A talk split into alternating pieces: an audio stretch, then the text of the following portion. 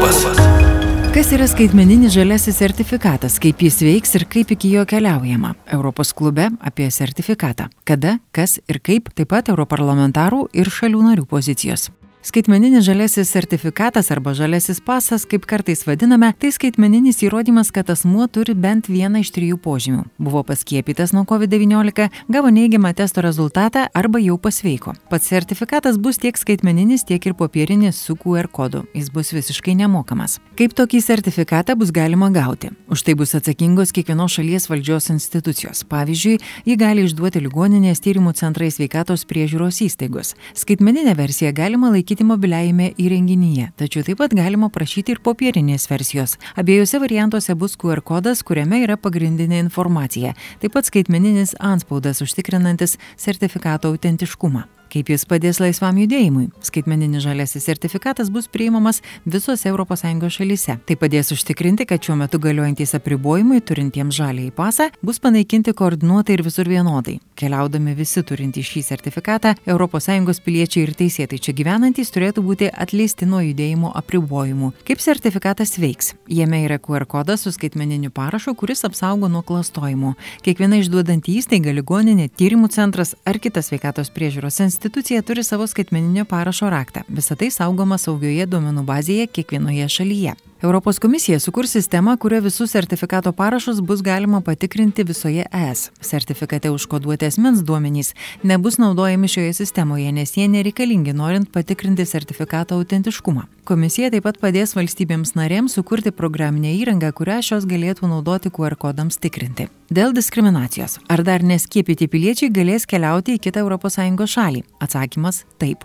Skaitmeninis žaliasis sertifikatas taip pat gali įrodyti ir neigiamo testo rezultatus bei persirgymą šią ligą. Ar svarbu, kokia vakcina žmogus paskiepytas? Ir taip ir ne. Pasas galios ES gyventojams, tad teoriškai visi čia gyvenantys turėtų būti vakcinuojami tik ES patvirtintomis vakcinomis.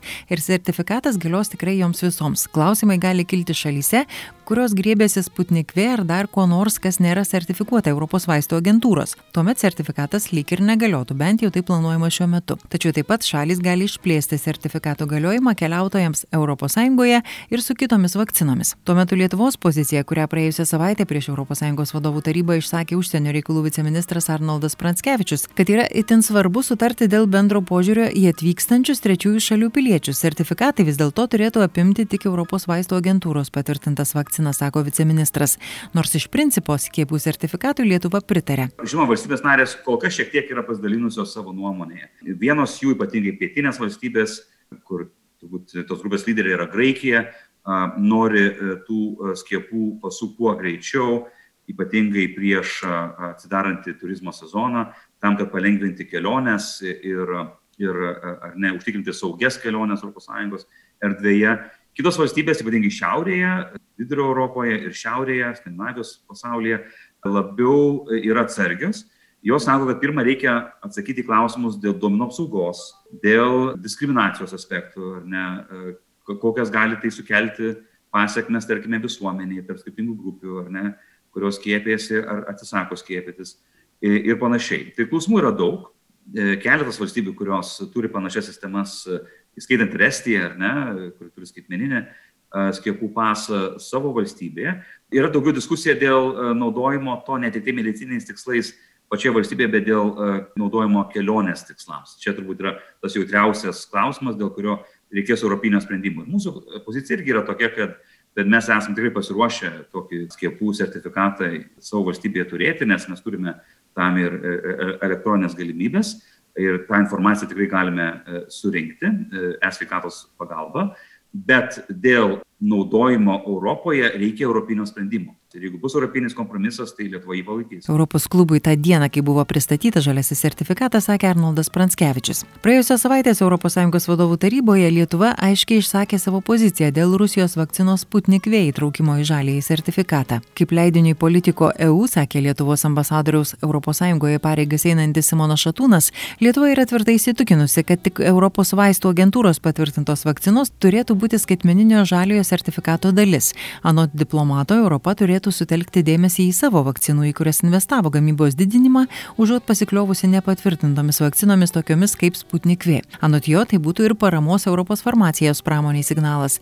Šio pareiškimo tylomis nepraleido ir Sputnik News žiniasklaidos kanalas, kuris pabrėžė, kad ne visi Lietuvoje yra tokios nuomonės ir kaip pavyzdį pateikė Respublika LT vyriausiai redaktorių Vita Tomkų, kuris pasmerkė valdžią už tokį sprendimą ir pavadino tai fašistinė diktatūra. Sputnik News patiko ir partijos Laisvė ir Teisingumas vadovo Remigijų Žemaitaičio pasisakymas, kad štai Austrija svarsto Rusijos vakcinos tiekimo klausimą nelaukdama Europos vaistų agentūros sprendimo. O Sputnik News ekspertas Aleksandras Nosovičius pareiškė, kad Lietuva yra pasirengusi nužudyti savo piliečius vardant kovos su Sputnik V.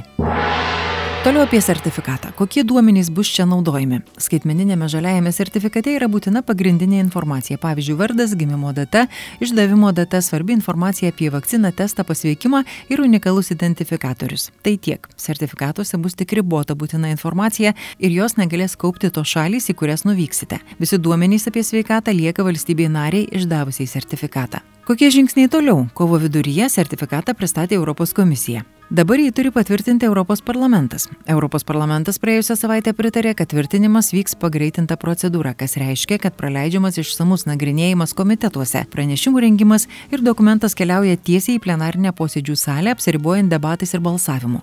Dėl to matyt net 200 europarlamentarų prieštaravo tokiai skubos procedūrai. Debatuose Europos parlamente skambėjo įvairūs balsai. Kaip sakė šiuo metu pirmininkaujančios Portugalijos valstybės sekretorė Europos reikalams Ana Paula Zakarijas.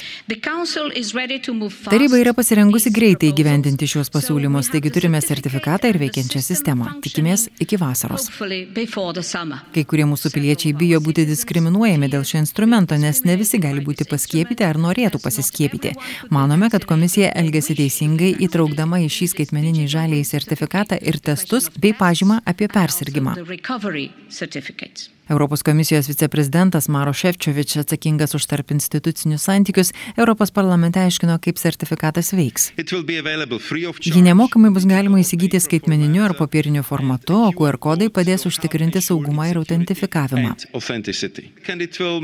Reikia užtikrinti, kad šie įrodymai būtų pripažinti kiekvienoje valstybėje narėje. Trečia, pažymėjimas padės valstybėms narėms atkurti visišką judėjimo laisvę ir laisvę judėti saugiai, atsakingai ir patikimai.